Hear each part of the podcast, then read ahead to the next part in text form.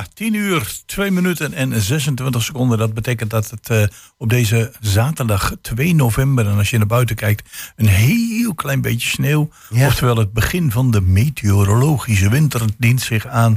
Zitten wij weer heerlijk in de warme studio hier in de bibliotheek in Hengelo. En wij zijn Chris van Pelt en uh, Gerben Hilbrink. En mijn naam is Jos Klasinski. En onze eerste gast is ook inmiddels aangeschoven. Zullen we zo meteen uh, iets meer over vertellen.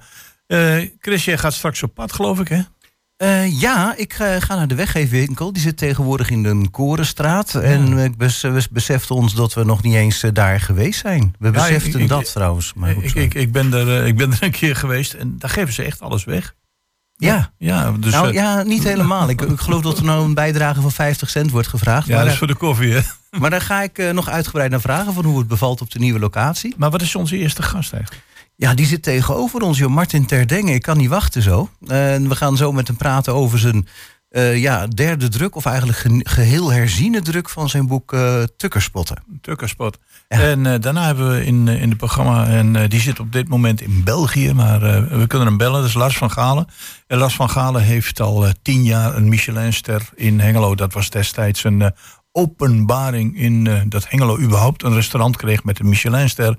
En nu zijn we tien jaar later en uh, heeft het nog steeds. Nou, dat is mooi om te horen. Ja. En dan gaan we ergens in het volgende uur het ook nog hebben over de milieu en uh, nee, wat is het ook alweer? Natuur- en Milieuraad. De Natuur- en Milieuraad, dat zijn een aantal wijze en oude mannen mm. die heel veel over hebben met de natuur en het milieu. En daarover graag in gesprek gaan met iedereen die het maar wil horen. Ook met ons dus. Ja, ja, ja zeker weten. Mm. En uh, ja, dan hebben we ook nog uh, de Schouwburg, maar daar komen we later uh, op terug. Ja. Maar we gaan eerst beginnen met een stukje muziek, hè? Bird of Paradise, Snowy White.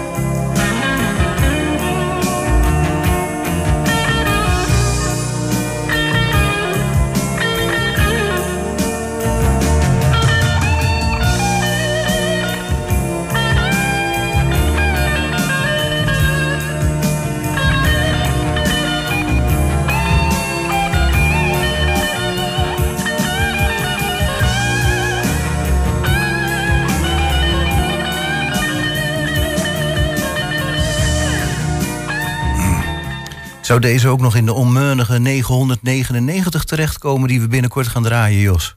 De Snowy White van, uh, wat zei ik nog ook alweer? Snowy White was het in ieder geval, van uh, Birds of Paradise. Ja, een prachtig uh, nummer om mee te beginnen. En dan zit tegenover ons Martin te Dingen.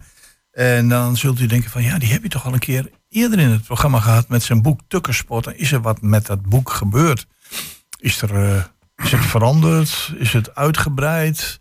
Heeft het een nieuwe cover? Martin, welkom in het programma. Dankjewel, hallo. Ja, ja. of was hij gewoon uitgekeken op de kleur geel? Ja, we hebben, we hebben toch om, uh, om, om Chris ook een plezier te doen en een aantal luisteraars gezegd van we proberen het in het Nederlands en dan zien we wel wat Schimstrand. ik, was, maar, ik was afgelopen zondag bij uh, Hengelo Leest. Ja. En toen vroeg ik van, wevensteet er hier geen Hollands? Dat is altijd net even andersom gedacht. Ja, ja. Ja. Moest iedereen, iedereen toch grinniken en ja, het boek is gewoon in het Nederlands. Ja. Dus, ja. Mm. versteed je geen Hollands? Ja, nee, dat is een, ja. een goede vraag. Maar uh, ja, hier, in, uh, hier in de studio uh, ja, wordt dat lastig natuurlijk. Hè? Ja, ja, maar goed, als het af en toe jullie in het Twents vervallen, vind ik ook niet heel erg hoor. Eventueel zal ik het proberen te vertalen als het erg wordt. Maar voor, voor de, voordat we naar het boek gaan, Martin, je bent een heel veelzijdig iemand. Ik bedoel, je hebt schrijfstukjes muziek. Ja. Je hebt een, we hebben dat net buiten de uitzending om een waanzinnig veel liefde voor uh, Ierland en de taal Gaelic. Ja, ik ben Ier aan het leren, dat klopt. Ja. ja. En uh, als ik Engels praat, dan komt het er ook altijd op zijn Iers uit. Op een of andere manier. Dus uh, ja, ja goed, daar maak ik ook wel. Die hebben een hele zware tongval, hè, die Ieren. Ja, dat komt dus door dat Keltisch. Ja, ja klopt. En is, is dat iets van, is dat een, een, hobby? Of zeg je van, nou, daar, daar kan ik veel meer mee? Uh, op welke manier bedoel je dat? Ja, nog het Gaelic. God, de ene zegt ik, ik ga Spaans leren, de ander zegt Grieks. Ja, kijk, ja, ik, ik ben stiekem ook een beetje Spaans aan het leren, maar dat uh, um, af, af en aan. En daar hoef je eigenlijk niet zo heel veel moeite voor te doen, behalve heel veel luisteren en ja. ermee bezig zijn. En dus Spaans is niet, zo, is niet zo heel erg moeilijk, wat dat betreft. Nee. Maar Keltisch is echt volledig andersom op de kop. Uh, Kijk, in Spaans heb je bijvoorbeeld bepaalde uitdrukkingen die dan in het Spaans, maar wel hetzelfde zijn als in het Nederlands. Ja, ja. Maar in, in, in het Keltisch is het echt volledig andersom. Dat is echt een eigen wereld. Ja, mm. ja dat, wat, maar, dat wat je dan leert, zeg maar, dat kun je zeggen. Maar je kunt daar niet dan nog iets nieuws mee maken. Dat je denkt van oké, als ik dit A en B zeg, dan kan ik ook daar proberen C mee uit te drukken. Ja, ja. Maar dat lukt niet. Maar, het, maar, maar, wat Jos misschien probeert te vragen: van, goh, waarom ben je eraan begonnen? Is het je drijfveer? Is het je uh, interesse voor zware dialecten? uh, dat ook. um, ja, waarom ben ik met Iers begonnen? Um, ten eerste omdat ik, uh, ik heb een tijdje in Ierland gewoond. en daar heb ik dus inderdaad een Engels met een zwaar Iers accent leren praten.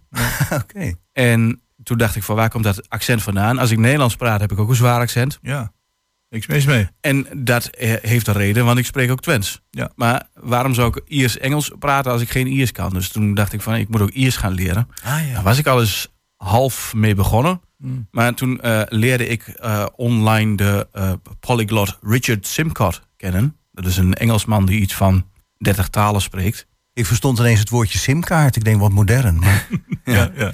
maar meneer Simkort die, uh, die zei op uh, uh, social media van ik krijg steeds meer, mijn algoritme stuurt me steeds meer dingetjes van Iers Keltisch. En dan durfde hij tot dan toe nog niet zo goed aan te beginnen. Dus toen stuurde ik hem een bericht, ik zeg ik daag je uit. En toen zei hij oké okay, gaan we doen. En toen dacht ik shit. dus toen moest het maar gebeuren. Dus wij zitten nu drie keer in de week Keltisch te leren met z'n tweeën. Hmm. via Zoom. En we hebben daar een cursus voor aangeschaft. Maar ja, die taal is zo verschrikkelijk lastig. Ik, uh, tenminste, ja, ik zou eigenlijk tegen mezelf moeten zeggen: het is heel makkelijk. Ja. Want dan ga je er makkelijker over denken, misschien. Maar het is, nou ja. nee, het is ik, volledig andersom dan. Ik, ik associeer het, het, het Gaelic altijd een beetje met, met uh, troubadours, met muziek, met, met ja, dat platteland. dat hangt er natuurlijk wel heel erg mee samen. Ja. Maar het is ook een beetje, ja, hè, waar, waar associeer je Twents mee? Ja, met boeren en bla bla bla. Maar mm. dat dat is gewoon een, een beeld wat je jezelf in je hoofd hebt. Maar dat hoeft mm. natuurlijk niet zo te zijn. Het is gewoon een communicatiemiddel. Ja, oké. Ja, want uh, wat, wat mij opviel vorige week toen jij bij eh, Hengelo Leest was, was er ook een, uh, iemand uit Friesland die had een boek geschreven over Twente. Ja. Zes eeuw, ik meen iets van vijf, zes eeuw. We hebben de man geïnterviewd. Ik denk van. Kort trompetter, ja. Ja, ja, dan denk ik van, nou, er is heel wat gebeurd hier in deze streek. Zeker, ja, klopt. En daar zijn mensen helemaal niet van bewust, hè? Nee, want mensen denken altijd dat het hier allemaal moi, moi is. Hè. We moeten allemaal eh, voor onze nieuwsgaring naar het westen kijken. Maar er is hier genoeg gebeurd. Ja. We hebben hier niet stilgezeten. Ja, en dan, en dan het boek Tukkersporten. Dit ja, dat is eh, eigenlijk ook zoiets. Ja. Want eh, wat ik van het vorige interview toch? herinner is, is Sorry. dat je eigenlijk zegt van... er wonen mensen in Nederland en eh, die gaan of in Twente wonen... of ze gaan in Twente werken of, weet, of ze krijgen een relatie. Ja. En dan is dat boek ontzettend handig, want er staan eh, heel veel tips in. Hè? Ja, oh, ik heb er wel wat van geleerd, absoluut. Vertel Chris. Nou ja, in ieder geval dat reizenaren en, eh, en was het ook weer entenaren... dat dat inderdaad toch een beetje botste me vroeger. In ieder geval vroeger. ja, dat klopt. Het was Eh. haat en neid. Maar uiteindelijk is het goed gekomen, want ik ben er ook een product van. Dus eh, Gelukkig maar. Ja. ja, mijn, mijn vader is Entes en mijn moeder is Reizens en blijkbaar wou dat prima. Het, Ja. kan, het kan toch, ja. Ja. Dus Nou ja, dat soort dingetjes. Ik bedoel, dat is een van die kleine dingen waarvan ik denk, eh, als import. Ik bedoel, eh, mijn moeder komt uit Rotterdam. Eh, dat zijn van die dingen, daar sta je niet bij stil. Ik bedoel, ja, ik kom ook niet zo vaak in Enter of reizen. En ehm, ik hoorde ook net dat er bijvoorbeeld nog verschillende varianten zijn van het Twents. Dat was het ook alweer Noordoost tegenover Zuidwest. Ja, als, als je een ruwe, een ruwe indeling maakt, dan is dat zo, ja. ja. Ja, nou ja, daar heb ik eigenlijk ook nog nooit bij stilgestaan. Want, want als je, als je zeg maar het Twents dan neerschrijft, hè, of in krantartikelen of, of in publicaties, eh, is het dan het Twents? Of zeg je van nou, dat ligt eraan welke streek je zit? Dat ligt er maar net aan welk dorp je vraagt, zeg maar. Mm. Het schijnt zelfs vroeger zo in reizen nog te, te zijn geweest... dat als je Oost-reizenaren tegenover West-reizenaren hoorde... Ja. dat het ook alweer anders was. Maar Oh, dat loopt, loopt tegenwoordig ook allemaal door elkaar. Ja. Dus, dat dan weer wel. ja. Nog even voor alle duidelijkheid. We hebben het over het boek Tukkerspotten. Die heb je nog niet in het Twents, hè? Die heb je in Nederland. Nee, die, ja, er staan, er staan Twentse stukjes in natuurlijk. Want ja, Uiteraard. eh, bij Twente hoort de taal Twente, eh Twents. Ja. Mhm. Eh, maar ja, het is wel in het Nederlands geschreven inderdaad. Ja. Nee, voordat we iedereen wegjagen die geen Twents kan lezen natuurlijk. Maar, Ja, Nee, maar de, de, de opzet destijds was van eh, inderdaad, je gaat kennis maken met Twente. Op welke manier dan ook. ja, maar ook heel veel Twentenaren zelf weten eigenlijk nauwelijks iets van Twente. Mm. Dus, en als je, eh, het, dus het gaat niet alleen maar over hè, de oude gebruiken en met, met winterhoorn en klompige stampen en eh klederdracht. Maar nee, het gaat ook echt over eh, hoe je als persoon in elkaar zit, zeg maar. Dus ik ben altijd geïnteresseerd in ja, eh, hoe je cultuur, ja, je, hè, hoe je bepaalde omgangsvormen met elkaar hebt. oh ja. En eh, ze zeggen altijd bijvoorbeeld Dutch directness. Nederlanders zijn heel direct. Ja. Dat schijnt, nou, naar mijn idee is dat in Twente minder dan in eh, West-Nederland. Het bekende jojo. Juist, precies. Nou, daar heb je het nou net. Ja. Ja. ja, dat schijnt nee te betekenen. Dat, dat komt het Ja. kan. En eh, eh, ik had een tijdje terug had ik een discussie met een kennis van me. En hij was het niet met me eens. Maar dat zei hij niet. Hij zei, ah, weet ik niet. Oh ja. Ja, weet ik niet. Werkt niet. Ja. Ja, oh, ik. Ja. Ja. Maar hij bedoelde dus nee. ja. Ja, maar dat, dat, dat is dan de, de indirecte vorm. Maar dat, dat, ik denk dat dat ook aan de andere kant voor de mensen die hier wonen. En die mensen die hier komen wonen, een beetje een stuk van de charme is. Van de taal van. eh, Het is een charme, maar als je het niet weet, dan, ehm, dan kan het heel ja, lastig zijn. Want je denkt van, ja, maar eh, ik heb toch iets verteld. En eh, ze zeiden van ja. En, maar eh, uiteindelijk doen ze er niks mee, zeg maar. Dus dat, Mhm. dat kan toch wel een stukje frustratie opleveren, denk ik. ja, nou, nou Maar- heb je, ja. Tenminste, ik dacht dat ik ook me kon herinneren dat er ook wel stukjes waren dat, het, eh, dat ze dan juist heel direct zijn, maar dan op een vrolijke, op een lollige manier. Eh, Ja, dat, ja, precies. Als, maar als we iets recht voor zijn raap zeggen, dan is het een grapje. Dan menen we het niet echt, zeg maar.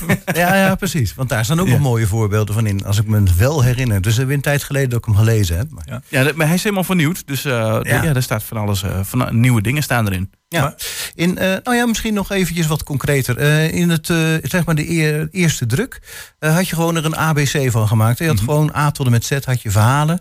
Ja. En, ehm, Sommige, sommige letters nog niks. Ah, kijk. En die letters heb je nog kunnen invullen? Eh, een aantal wel. Eh, ik weet eigenlijk niet welke letters nog niet. Maar ik denk gewoon, ja, sommige letters hebben ook meerdere hoofdstukken, zeg maar. Dus, eh, en de, Mhm. de A van accenten, achterhoek, alcohol en Almelo, zeg maar. Dat is, het zijn allemaal verschillende hoofdstukken onder de A. M- maar onder de D heb ik maar twee hoofdstukken. Mhm. En onder de G weer een heleboel. Ik heb niks onder de J nog. Oké. Wel onder de Q. Nee, dat Ja. vind ik dan weer knap. Ja, Ja. het is zelfs twee. Huh. Eh, O, P, Q, R, S, T. En de U heb ik nog niks. En zelfs onder de X heb ik nog wat kunnen vinden. Ja. Nee, de, ja, en, en, en dan vraag ik me af, Martin. Je hebt op een gegeven moment gezegd, je hebt dat boek uitgebracht. Uh, om verschillende redenen. Ook uh, alfabetisch uh, volgorde. En dan zeg je, nou zitten we aan de, aan de tweede en daarna aan de derde druk. Is dat zo dat mensen jou dan gebeld hebben van je hebt dat vergeten of heb je daaraan gedacht? Of is het gewoon de tijdsgeest die de vernieuwing heeft gebracht? Het is deels de tijdgeest inderdaad. de eerste druk was behoorlijk jubelend. Zo van, oh wat zijn we toch leuk. Maar we zijn niet altijd even leuk hier in Twente. En ik vond dat, we dat, ook, dat ik dat ook in dat boek moest zetten. Ja. Want uh, als het dan toch een gids is voor de Twentenaar... of mm. een, gids, uh, een, een vogelspotgids voor de Twentenaar, zeg maar... dan moet ik ook de, de minder leuke kanten benoemen. Dus mm. de X staat xenofobie, bijvoorbeeld. Uh, ja, dat is een heel zwaar onderwerp. Actueel ook. en, en, en logisch, want ja, heel veel mensen hier komen niet zo vaak in aanraking met andere culturen. En ja, wat je niet kent, dat maakt onbemind. En dat vind ik gewoon jammer. Dus uh, dat, daar sluit het hoofdstuk volgens mij ook mee af. Met puntje van aandacht Twente. Dus dat, ja, ik mag ook best wel iets, iets negatiefs over Twente zeggen. Mm -hmm. Nou ja, in, in die zin, kijk, kun je zeggen, is, is, is Twente op zich een hele gesloten gemeenschap ja, geweest of nog steeds? deels nog steeds. Kijk, je zit, we zitten hier wel in Hengelo, dus dat is een iets grotere plaats. Ja. dus dat hoe groter de plaats, hoe meer aantrekkingskracht op andere culturen ook. En kleine gemeenschappen, ja, die zorgen ook echt dat ze kleine gemeenschappen blijven, dus door anderen buiten te sluiten. En uh, ja, dat, dat is misschien heel fijn voor die mensen zelf, maar voor een mhm. ander die daar toevallig per ongeluk tussen is geplaatst in een AZC of zo, mm ja, die hebben daar gewoon flink moeite mee. Oh ja, dat, dat, dat, dat geloof ik graag met die gesloten gemeenschap. Maar is dat dan nou zo uh, echt iets voor Twente? Ik bedoel, overal in het land zijn wel protesten tegen AZC's. Ja, dat klopt. Dat is waar. Ja. Uh, nou, bijvoorbeeld ook weer in hetzelfde hoofdstuk. Uh, in de jaren 60, nee, in de jaren, jaren 50 kwamen hier de Molukkers. Ja. Mm -hmm. En ja, ik ben in de jaren 80 opgegroeid. Maar mij werd nog steeds verteld van ja, die wijk met die Molukkers, daar moet je niet komen. Oh ja, dat, Was, uh, dat was ergens in de buurt van Almelo. Ja, dus die werden daar, ja, terwijl het gewoon mhm. ja, hele vriendelijke mensen zijn. En van ja. Dat bent Frum. Ja, daar zit, ja, daar zit, ja, die, ja, daar moet je, daar moet je kijken. Nou, ik, ik, ik weet nog, uh, wij woonden in, uh, in Hengelo in de Antoniestraat. Dat was destijds een straat van, mwah, moet je daar wel willen wonen? En wij begonnen een uh, pension voor Spaanse gastarbeiders. Nou, in het begin had het de hele buurt ontzettend veel moeite... totdat we alle deuren openzetten. En zeiden van, luisteren, uh, kom binnen, geniet mee en dans mee, feest mee. En toen was het ijs gebroken. Ja, nou precies. Mm. Ja, en uh, ik denk ook dat het een beetje met de Twentse aard te maken heeft... van kar uit de boom kijken. Maar zo gauw als we zien van, oké, nou, dan is wel goed dan... dan is het ook wel prima. En, en, in, in, ja, en in het boek Tukkersport, waar we het nou ook over hebben... Geef je dan ook tips aan mensen van als je naar Twente komt of, uh, of je wilt dit of dat doen, gedraag je dan zo of zeg je nee, dat, is heel moeilijk hè? Nee, natuurlijk. Ja, iedereen is, je moet gewoon doen hoe je bent. Denk je, je bent gewoon uniek. En uh, uh, maar je weet wel dat als je je op een bepaalde manier gedraagt, dat daar op een bepaalde manier op gereageerd gaat worden. Dat is wel zo. Mm -hmm. hè, bijvoorbeeld, er zit een, een, hoofdstukje over groeten in. Nou ja, ja. Dus, ja. Dat doen, dat doen mensen hier. Ja, hoi, mooi. Uh, ja. Langs elkaar heen loopt. Ja, dat is het. Mm -hmm. Dat vinden wij normaal. Maar hier, hier in Hengelo zal het natuurlijk een stuk minder zijn. Maar ja, in de kleinere plaatsjes gebeurt dat wel. Ja. Want er is inderdaad wat je zegt, een verschil tussen een stad zoals Hengelo, Enschede, Almelo, noem maar op. Ik denk ook dat het boek eigenlijk niet, ja, misschien is Tukkensport gewoon een verkeerde naam geweest. Want het gaat eigenlijk over heel uh, Oost-Nederland eigenlijk. Oké. Dus ja, uh, ja. op het moment dat je de IJssel overkomt. Ja, precies. Ja, het is, uh, het, is, het is eigenlijk meer een soort van ja, stad versus platteland. En wil dit ook een vooroordeel wegnemen dan, het boek? Oh, ja, dat zeker. Ja, ja want ik had, uh, ik had zelf ook altijd het idee dat, het, dat mensen het gewoon niet weten.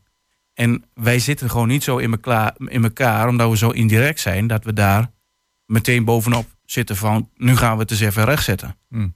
Oh, als jij dat vindt, nou, dan, dan, dan moet, je, dat, dan moet je dat maar geloven. Ja, wat zeg dat. Waardoor er dus nooit iets aan die beeldvorming verandert. En uh, als je uh, kijkt naar de, zeg maar de, aanpassingen, hè? nu naar, de derde herziene druk, laat het maar zo noemen. Uh, is dat wat ik net vroeg ingefluisterd door mensen die zeggen van dat en dat ben je vergeten? Of heb je gezegd, er zijn zoveel ontwikkelingen geweest, dat heb ik gemist? Beide.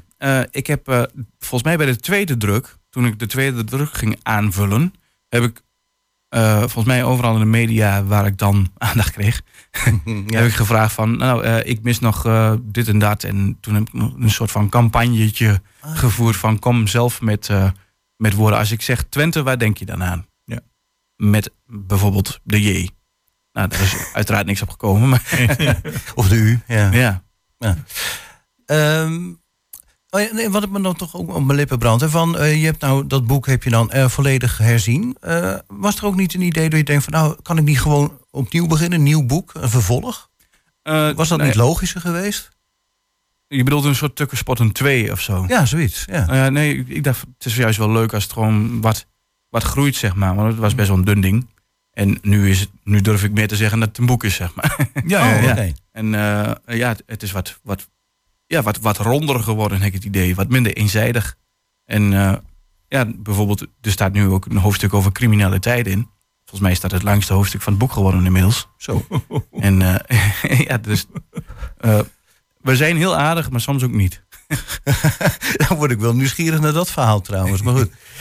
Ja, ik, ik zie hier een krantartikel staan, ook in, volgens mij staat ja, op jouw eigen website. Vaker met de vuist op tafel slaan. Ja. Doe dat niet genoeg hier? Nee, eigenlijk niet. Nee, nee, ja, pas achteraf. Uh, volgens mij staat dat voorbeeld ook in het boek. Uh, ik zat ooit bij de muziekvereniging. En uh, bij de muziekvereniging, daar hadden we elk jaar een ledenvergadering. En met die ledenvergadering, nou was het altijd zo, de, het bestuur zat in een kring, of eigenlijk zaten we in een grote U met allemaal tafels. En ja, dan werd in moordend tempo de, ja, de agenda afgewerkt, zeg maar. Aan het einde heb je een vragenronde. Oh ja. Nou, en wil, wie wilde nog wat zeggen? Nou, hm. doodse stilte. En uh, nou, als er niks is, nou, dan, uh, dan holen we iets, uh, dan is het klaar. En dan, dan doden voort nog een op kussen van de vereniging. Hoi, nou geweldig. Ja. Nou, allemaal aan skap. En dan in één keer, en dit, en dat, en zus, en zo. En dan, pas als, als alles al is besloten, dan ja. achteraf wordt er nog een bult geklaagd en van, uh, nou, koning beter zus of koning beter zo. Ja. Kom me wel bekend voor trouwens, bij meerdere vergaderingen. Ja. Ja, zit, zit, er ook in het boek, we gaan zo langzamerhand afronden, uh, Martin, een, een stuk maar, chauvinisme? Wat, ik, wat ik eigenlijk wil zeggen is de, uh, dat, dat je dat, daar had je de kans voor gehad. Mm -hmm. Maar die kans laten we vaak liggen. Dit, dit is zo herkenbaar. Uh... Nou, dat bedoel ik. Dat staat dus in het boek. Ja, ja, ja. ja, ja, ja. Um, maar je had het over muziek, hè? Um, even kijken, wil je dat nou ook nog in, deze uit, en, en dit verhaal bespreken? Je had je nog een liedje had gemaakt? Oh, ja, ja. Ik, had ja, ik heb een liedje gemaakt, maar dat uh, uh, moeten we misschien even inladen straks. Als de, ja, ja. Als de andere muziek is. Oh, oké, oké. dat, uh, dat gaan we proberen. Maar Tukkensporten 3, hè, ja. laten we het maar zo noemen. Dat is gewoon bij elke boekhandel ja, ja de, de, de, betere boekhandels. Ik weet niet of het uh, overal hier in Hengelo ligt, maar ik weet bijvoorbeeld bij. Uh, mag ik reclame maken? Ja, ja natuurlijk. Uh, Broekhuis en in Rijssen. en anders kun je het gewoon op de site van de uitgever zelf bestellen. Ja. AFDH.nl is daar volgens mij. Ja. En meestal vragen we de, de auteur van mhm. het boek om een korte passage voor te lezen. Zou je daar een durven te wagen? Maar? Ik zou het mij daaraan durven wagen. Heb je inmiddels iets gevonden? Uh, nou ja, dat is het, want ik vind het allemaal leuk. Dus uh, ja, misschien iets van een nieuwe hoofdstuk. Ja. Mm -hmm. uh, het hoofdstuk Strikkerts. Strikkerts? Ja, wie weet wat een strikker is. Ja, Naaklopen toch? Ja, bon Meestal kreeg je een strikker naar de bek. Maar dat, ja, dat, dat zou ook. Daar staat er ook in inderdaad, maar dat is weer wat anders. een strikker is een... Um, ja, een handoplegger. Oh, oh, ja, ja, ja, die heb je ook nog. Ja, ja, ja. Nou, en uh, nou, daar gaat hij dan. Nuchter zijn we hier in Twente, toch? Wie laat ons de kop niet gek maken? Daar zijn we zelfs erg trots op. Ja. Toch vreemd dat er dan juist hier in Twente voldoende voedingsbodem is voor alternatieve geneeswijzen. En mensen met bijzondere gaven. Strikkers worden ze genoemd. Paranormalen die je met handoplegging van allerhande kwaaltjes afhelpen of je huis neutraliseren. Ik had gedacht dat ik voor dit onderwerp ver zou moeten zoeken, maar bijna iedereen die ik er naar vroeg had er wel een ervaring mee. In mijn hovenierstijd zag ik eens twee metalen L-vormige pinnen in de werkbus liggen. Ik vroeg ernaar. Een van de anders zo nuchtere hoveniers bleek bij te klussen als radiesthesist. oftewel wiggelroedeloper. Door die pinnetjes aan de korte kant van de L losjes in de vuisten te laten bungelen en er als een soort pistolen mee door de tuinen te lopen, kon hij feilloos welden vinden. Waterbronnen. Want onder de Twentse bodem stikt het van de zogenoemde leilijnen. Wij schijnen op een heel netwerk van Hartman en Currylijnen te leven. En dan rekenen we de Enexis nog niet eens mee. Mhm. Net als NAM afvalwater trouwens. Dat geeft ja speciale energie. Mijn personal trainster vertelde met een gezicht nog verstaalder dan die pinnen... dat er bij de manege waar zij rijdt een merriestal was... waar geen fatsoenlijk paard in wou staan. Dat zou dan komen doordat die, pal, die stal pal bovenop een kruispunt van energiebanen gebouwd was. Alleen de Shetlanders, die eigenwijze Frans, die trokken zich er niet van aan. Ze hadden er meneer Krabbenbos uit Enter bij moeten halen. Want die adverteert op een oldschool HTML-website in paarse Comic Sans letters... met oplossingen voor aardstraling en elektrosmog. Al voor 100 euro, exclusief reiskosten, komt hij je huis neutraliseren. Voor dievenblijven heeft hij een speciaal tarief, naar gelang behoefte. Met strategisch geplaatste ijzeren plaatjes, muntjes of draadjes worden de banen dan omgeleid. Maar ik me dan afvraag, waarheen? Hm. Zadel je er dan je naben mee op? En moet hij dan ook weer 100 euro lappen als hij er vanaf wil? Binnen de kortste keren de hele nabenschop op een biester. Ja. en dit was onder de letter S, hè? ja, dit was de S van Striekers. Ja. ja. Nou, uh, derde versie, uh, Martin, bedankt voor de, voor de toelichting. Tukkerspotten. En uh, ik zou zeggen, succes en fijne vakantie. Dankjewel.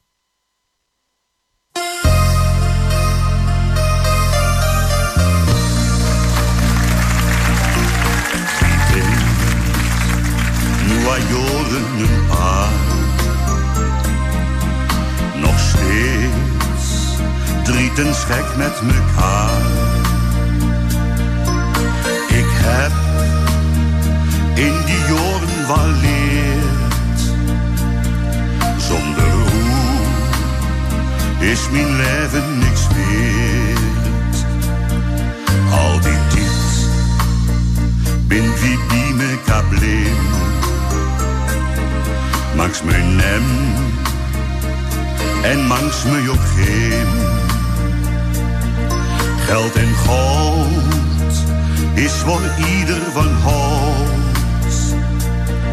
Maar voor mij is er een dat ben ik.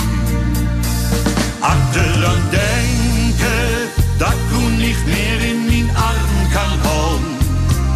Hoe niet meer vast kan houden nou niet meer samen bent. Het doet niet zeer, omdat ik gewoonweg niet weten zal. Wat ik beginnen moet, zonder hoe. Probleem kwam bij ons om coiffeur. Maar samen sleuren wie ons de deur. Lief en leed ging bij ons hand in hand. Door een God onze leefde op stand. Had er aan denken dat ik niet meer in mijn arm kan houden. Hoe niet meer vast kan houden. Nou niet meer samen bent. Het doet zeer dat ik gewoonweg niet weten zal wat ik beginnen moet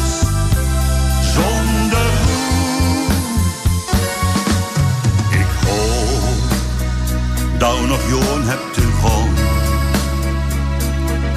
dat nog lang niet alleen komt te staan. Ik heb in die jaren wel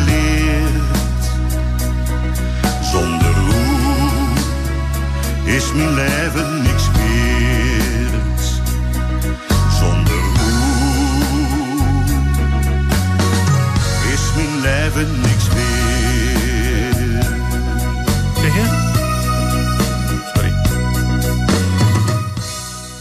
Ja, dat was uh, Herman Lippinghoff met Zonder Oe. Oftewel uh, een plaatje redelijk in, uh, in deze streektaal dan gaan we verder met onze volgende gast. En dat is eh, Lars van Galen. En Lars van Galen, goedemorgen en welkom in het programma. Goedemorgen. Ik zie het staan. Eh, tien jaar eh, inmiddels eh, het Michelin-sterrenrestaurant eh, Het Lansink. Ja. Maar in ieder geval eh, namens alle luisteraars en eh, namens onszelf proficiat daarmee. Eh, Dankjewel. Want Michelin-ster, ja, ik, ik, eh, ik zie nog zo het moment voor me dat wij in Hengelo hier eh, Mhm. een Michelin-sterrenrestaurant kregen. Dat was wel ontzettend bijzonder. Want Ja. eh, kijk, eh, heeft een heleboel te maken met de Twentse nuchterheid. Wij in Hengelo, een Michelin-sterrenrestaurant. Wat geweldig. En dan zijn we inmiddels tien jaar verder. En Mhm. een heleboel mensen kennen jouw restaurant. En ja, ik vraag me altijd af bij Michelin-sterren... moet je heel hard vechten om zoiets te behouden? Ja, het is elke dag weer knallen. Elke dag Champions League. Zo simpel is het. Ja. En eh, je mag niet verslappen. En eh, ja, dus eh, continuïteit is heel belangrijk voor Michelin. Ehm, ja, dus ze kunnen zomaar elk moment van de dag komen zitten. Ja, je weet nooit wanneer ze er zijn en, en je wordt gecontroleerd. Dus je moet altijd scherp zijn. Ja. Nooit bij twijfel niet doen, zeg ik altijd tegen de jongens. En altijd zorgen dat het helemaal top is. Maar is het dan zo dat dat zijn dan die... ik noem altijd van die, van die mystery guests... die Ja. in restaurants opduiken... en je, je weet echt niet dat, of het mensen zijn van Michelin? Nee, nee, dat weet je niet. Nee. Nee, dat, eh, ze komen binnen en ze betalen gewoon netjes de rekening en je kunt ze niet meteen herkennen. Soms heb je wel vermoeden van, hé, hey, dat is raar, die komt alleen op de lunch of wat dan ook. En ja, je kunt het natuurlijk ook wel, eh, ze beginnen meestal niet met een glas champagne, maar met een, ja, gewoon een glaasje wijn. Niet te gek allemaal. Ja. Eh, vaak eten ze à la carte en niet een menu. Ja, dus er zijn wel dingen dat je kunt denken van, goh, het zou hem kunnen zijn. En soms maakt hij zich ook wel bekend en soms ook niet. Ja, je weet het niet. En eh, als je, als je nou zegt, eh, je, ben, je hebt tien jaar, tien jaar Michelin... dat betekent dat je altijd scherp moet blijven. Ehm, die, die ideeën, zijn dat de, of de gerechten die op tafel komen... zijn dat Lars van Galen gerechten? Of zeg je van, nou, ik heb ook contacten met collega's... ik lees tijdschriften, ik ga workshops volgen... en op die manier eh, probeer ik eh, ja, toch zoveel mogelijk variëteit aan te brengen. Ehm, ja, sowieso zie je natuurlijk heel veel eh, in je omgeving, maar ook van collega's. Maar het feit is dat ja, je moet zelf creatief blijven. Je kunt niet zomaar iets bedenken en zeggen van nou ja, dat heb ik gezien ergens, dus zet ik het neer. En ik betrek mijn team er heel erg bij. Dus we, we, proberen veel. Als iemand met een idee komt, altijd maken en dan gaan we proeven, gaan we kijken. Continu eigenlijk mee bezig zijn. Continu gaat het in je hoofdje rond van oké, is dan weer wat. Ja. Ja, zo, eh, zo blijf je bezig. En dat is heel belangrijk. En smaak is gewoon knetterbelangrijk. Smaak, smaak. En, eh, en, en wat, wat mij opvalt, ik bedoel, ik heb een paar keer een foto gezien van jouw team. Je hebt een vrij jong team. Ja. Zijn dat, eh, ja, wat, wat verwacht je? Zijn dat mensen met ambitie, mensen die bijvoorbeeld de, Kars, de Kaspijkers Academie hebben gedaan, onder andere? Ja, dat hebben ze bijna allemaal gedaan. Of dat, ga, of dat doen ze op dit moment. Ja. Ehm, vind ik ook heel belangrijk, een stukje opleiding. Maar ook die jongens die meetrekken in het hele verhaal. Dus eh eh, ik geef ze echt de kans om zelf dingen eh, te maken. En dan gaan we proeven. En dan gaan we het op een gegeven moment wel naar, naar het lansing zetten, zeg maar. We, we hebben een bepaalde stijl. Nou ja, en dan kijken we er nog een keer kritisch naar. En, dan, eh, en zo blijf je verbeteren. En ook een gerecht die af is, die blijven we, daar blijven we kritisch op of het wel goed genoeg is. Ja, je hebt het over de Lansingstijl. Kun je die beschrijven? Eh, Lars? Ja, maar het is, het is, eh, het is eigenlijk eh, heel modern, maar dan klassiek bereid. Hè? Dus eh, de cuissons, de garingen van het vlees, het vis, de sauzen, die zijn eigenlijk gebaseerd op hele klassieke keuken. Maar allemaal wel op een moderne manier, ja, ook wel weer bereid en geserveerd. Ja, bij klassieke keuken maar- denk ik dan altijd aan, aan Frankrijk. Ja, ja, ja, mooie volle sauzen, heel veel liefde in de gerechten. Maar wel op een mo- moderne manier eh, op het bord gezet. En eh, kijk, het, het is natuurlijk heel statisch, statig pand. Ja. En Heel, eh, ja, je denkt even meteen, wow, nou ja, er zit een drempel op als je het niet oppast. En die wil ik juist weghalen door modern en, en jong te koken, laat ik het zo zeggen. Maar wel knettergoed. Ja, nou als je een jong team om je heen hebt met jongelui met ambitie, dan Ja. is dat iets wat zeker tot de mogelijkheden behoort, hè? Zeker, ja, zeker. En dat is ook heel leuk. Je, die jonge knapen die willen, die willen, ja, die willen natuurlijk heel graag door in het vak. Nou Ja, dan moeten we met z'n allen zorgen dat die ook gewoon eh, bij ons zo, zo goed mogelijk in opleiding gaan en op een gegeven moment weggaan. En weer, weer verder gaan, het liefst naar een twee sterren of een drie sterren zaak. En dat zie je dus nu ook steeds meer gebeuren. En dat is heel gaaf om te zien. In de hoop dat ze ooit terugkomen natuurlijk. Ja, uiteraard. ik bedoel, en, maar als je, als je kijkt naar eh, bijvoorbeeld, eh, ik heb er een paar keer bij jou gegeten. En Mhm. eh, dan is een van de dingen die een Michelin-sterren restaurant eh, kenmerkt, is dat je een avondvullend programma hebt eigenlijk. Hè? Ja, Het ja, is dus ja. niet zo, na jou komt iemand anders aan tafel. En je hebt ook Nee. niet echt een, een, een menukaart, maar gewoon dit is het menu. En je kunt kiezen uit een x aantal gangen. Is dat ook traditioneel voor Michelin? Sterren Nee, juist, juist niet. Eh, Michelin is ook wel heel gek op à la carte. Eh, ik heb ook gewoon een à la carte kaart. Natuurlijk stuur ik wel deels op menu, omdat het anders met de handelingen gewoon niet te doen is. Nee. Maar we hebben ook een à la carte kaart. En, ehm, en dan kun je gewoon eh, ja, één of twee of drie gerechten kiezen. Dat kan allemaal. En eh, de jongelui die met jou samenwerken in de keuken, mogen die ook ideeën aandragen? Of komt Ja, het zeker. van, Ja, eh, is het top-down? Ja, nee, juist. juist sterker nog, we doen zelfs, de, bijvoorbeeld met kerst hebben we zelf een voorgerecht. We eten met kerst ook gewoon drie gangen. Ja. En dan moet een van de jongens moet dan het voorgerecht maken. En dan krijgen ze juist de kans om te laten zien wat ze kunnen. En eh, als het gaat om, eh, om jouw restaurant, je zegt we hebben een, een lansingstijl, we hebben een bepaal, we hebben een à la carte, we hebben ook een, eh, ook een menu. En Ja. met name dat menu, dat, ja, dat focust zich natuurlijk op de tijd van het jaar. Ik kan me voorstellen dat Zeker. nu in deze tijd van het jaar ja, toch wat meer wild op de kaart staat. Ja, dat denken heel veel mensen. Maar op zich, ja, natuurlijk is er wel wild. patrijsjes en haas. En, eh, Maar bijvoorbeeld de reeën gebruik ik heel graag. En die worden door de jager binnengebracht. Maken we zelf helemaal schoon. Maar die is op dit moment dicht. Hè. Die is eh, tot september, eh, vanaf september is die dicht. En dan gaat die in januari weer open. Dus dat is een beetje gek, want ree is wel heel wild. Maar dat heb je ook gewoon in de zomer. Hè, dus, maar ik kijk echt naar de seizoenen. Wanneer de asperges te zijn, dan hebben we asperges. Wanneer, eh, ja, verzin het maar. En zo ga je continu mee met, met het seizoen. Ja, dat, eh, dat kan ik me voorstellen dat je zegt op een gegeven moment van daar moeten we wel, daar moeten we wel op focussen. Ja. En als het gaat dan om eh, bijvoorbeeld bijzondere rechten of, of mensen zeggen van ik heb een bepaald dieet, kunnen jullie daar ook op inspelen? Alles, ja, zeker. Ja, ehm, we hebben sowieso naast ons gewone menu een, eh, een eh, compleet vegetarisch menu lopen. Heel bewust ook. Dat is één heel erg leuk om te doen en twee mensen die, die willen dat ook graag. Je ziet het ook steeds vaker gekozen wordt. En dat is mooi. Ehm, ja, en daarnaast als mensen een, een allergie hebben of zo, dan wordt altijd netjes gevraagd. En dat is ook gewoon belangrijk dat wij daar goed op inspelen. Want eigenlijk is misschien nog wel belangrijker, iemand die een bepaalde allergie heeft, dat hij nog eh, beter of ja, meer aandacht erop krijgt dan, eh, dan een ander.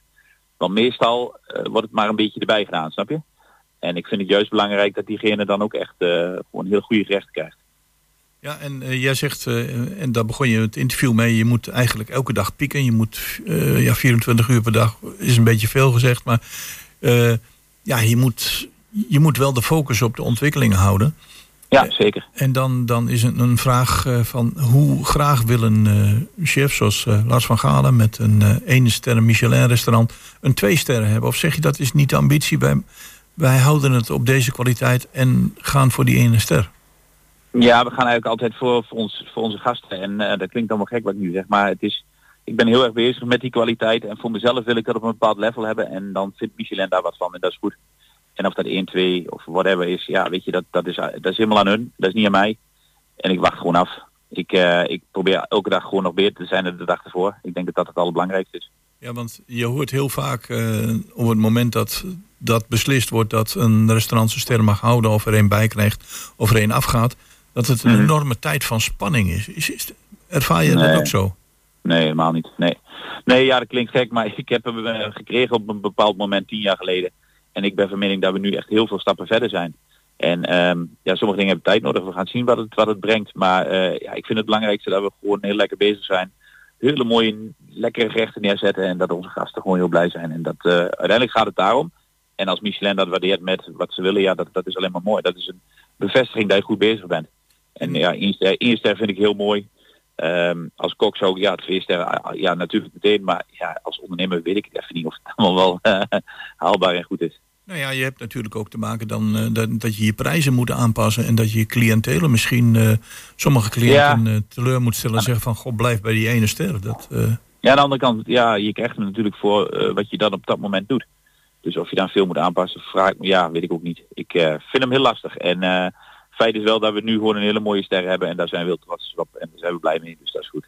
nou, en dan heb je natuurlijk in de afgelopen tien jaar heel veel ontwikkelingen meegemaakt. Wat, wat Ja. zou je zelf beschrijven als de, de, de belangrijkste ontwikkeling die ik heb, eh, die je hebt meegemaakt binnen eh, tien jaar Lansing of tien jaar Michelin? Eh, ja, het is een hele mooie groei geweest in die tien jaar en het bedrijf is alleen maar mooier geworden, beter geworden. Corona is natuurlijk een hele gekke periode geweest. Ja, waarin we wel eh, slagen gemaakt hebben op basis van, eh, van kwaliteit. Ehm, en eh, ja, we hebben gewoon heel veel de zaak aan kunnen passen. We hebben heel mooi de boel kunnen, ja, schilderen en zo, dat klinkt gek, maar ik, ik ben niet iemand die stil zit. Dus het moment dat, ehm, dat ik hoorde dat we dicht moesten, ja, ik denk, maar dat gaat mij niet gebeuren. Ik, dan ga ik harder aan het werk. Dan is mijn kans nu om juist een slag te maken. En ehm, want er is nooit dat de zaak dicht is. En nu was het in één keer wel dicht.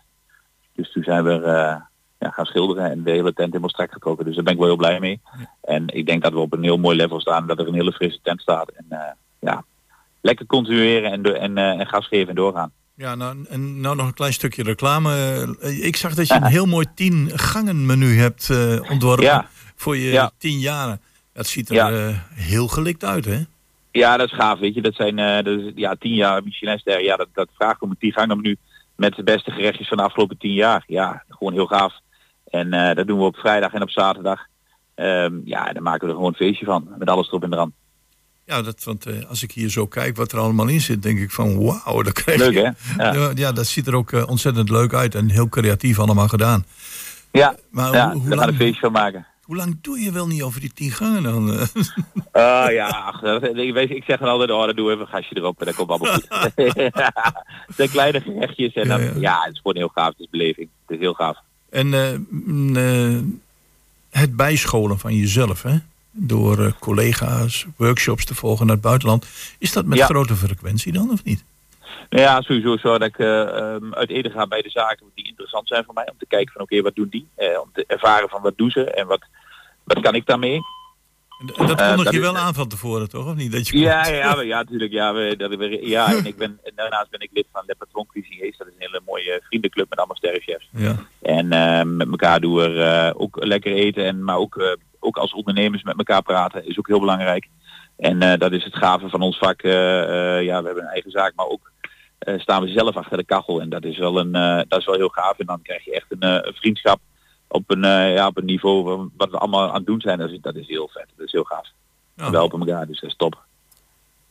Lars, ik wil je bedanken voor dit interview. Ik wens je heel veel succes. en ja, de, de komende feestdagen worden natuurlijk net zoals voor elk restaurant Ja, ja, even aanbuffelen. Hè? Ja, ja, maar dat is niet erg. Dat doen we altijd. En dat is ook goed. Dat is wat we, waar we goed in zijn en wat we leuk vinden. Dus denk dat dat het allerbelangrijkste is. Nou, nogmaals bedankt voor het interview. Succes. En eh, wat ons betreft, eh, tot een volgende keer. Heel fijn. Dankjewel voor het interview. Oké, fijne dag. Jo.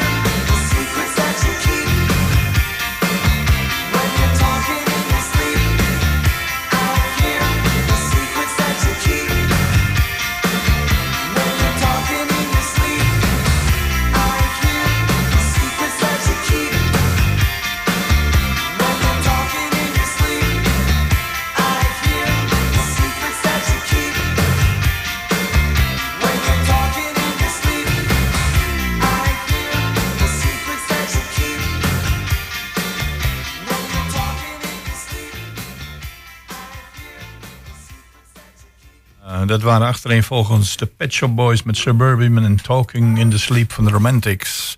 En als het goed is, eh, dan gaan we nu contact zoeken met eh, René Marleveld van het Koninklijk Symfonieorkest Cecilia.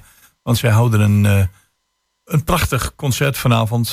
En we gaan even kijken of we contact kunnen krijgen met René Marleveld. Hij is de secretaris van de vereniging. Denk wel dat dat eh, gaat lukken. Het is een prachtig concert vanavond. Met, eh, gisteravond is er ook een eh, concert gehouden in de Grote Kerk in Almelo. En volgens René was dat heel goed bezocht met heel veel enthousiaste mensen. Dus kijken of het lukt om contact te krijgen. En anders doen we dat na het nieuws van eh 11 uur even. Geen contact. Dat is het mooie van live radio. Nou, dan gaan we richting het nieuws van 11 uur. En dan proberen wij contact te krijgen met René Malerveld van het Koninklijk Symfonieorkest Sicilia uit Hengelo. Dan gaan we richting het nieuws van eh 11 uur.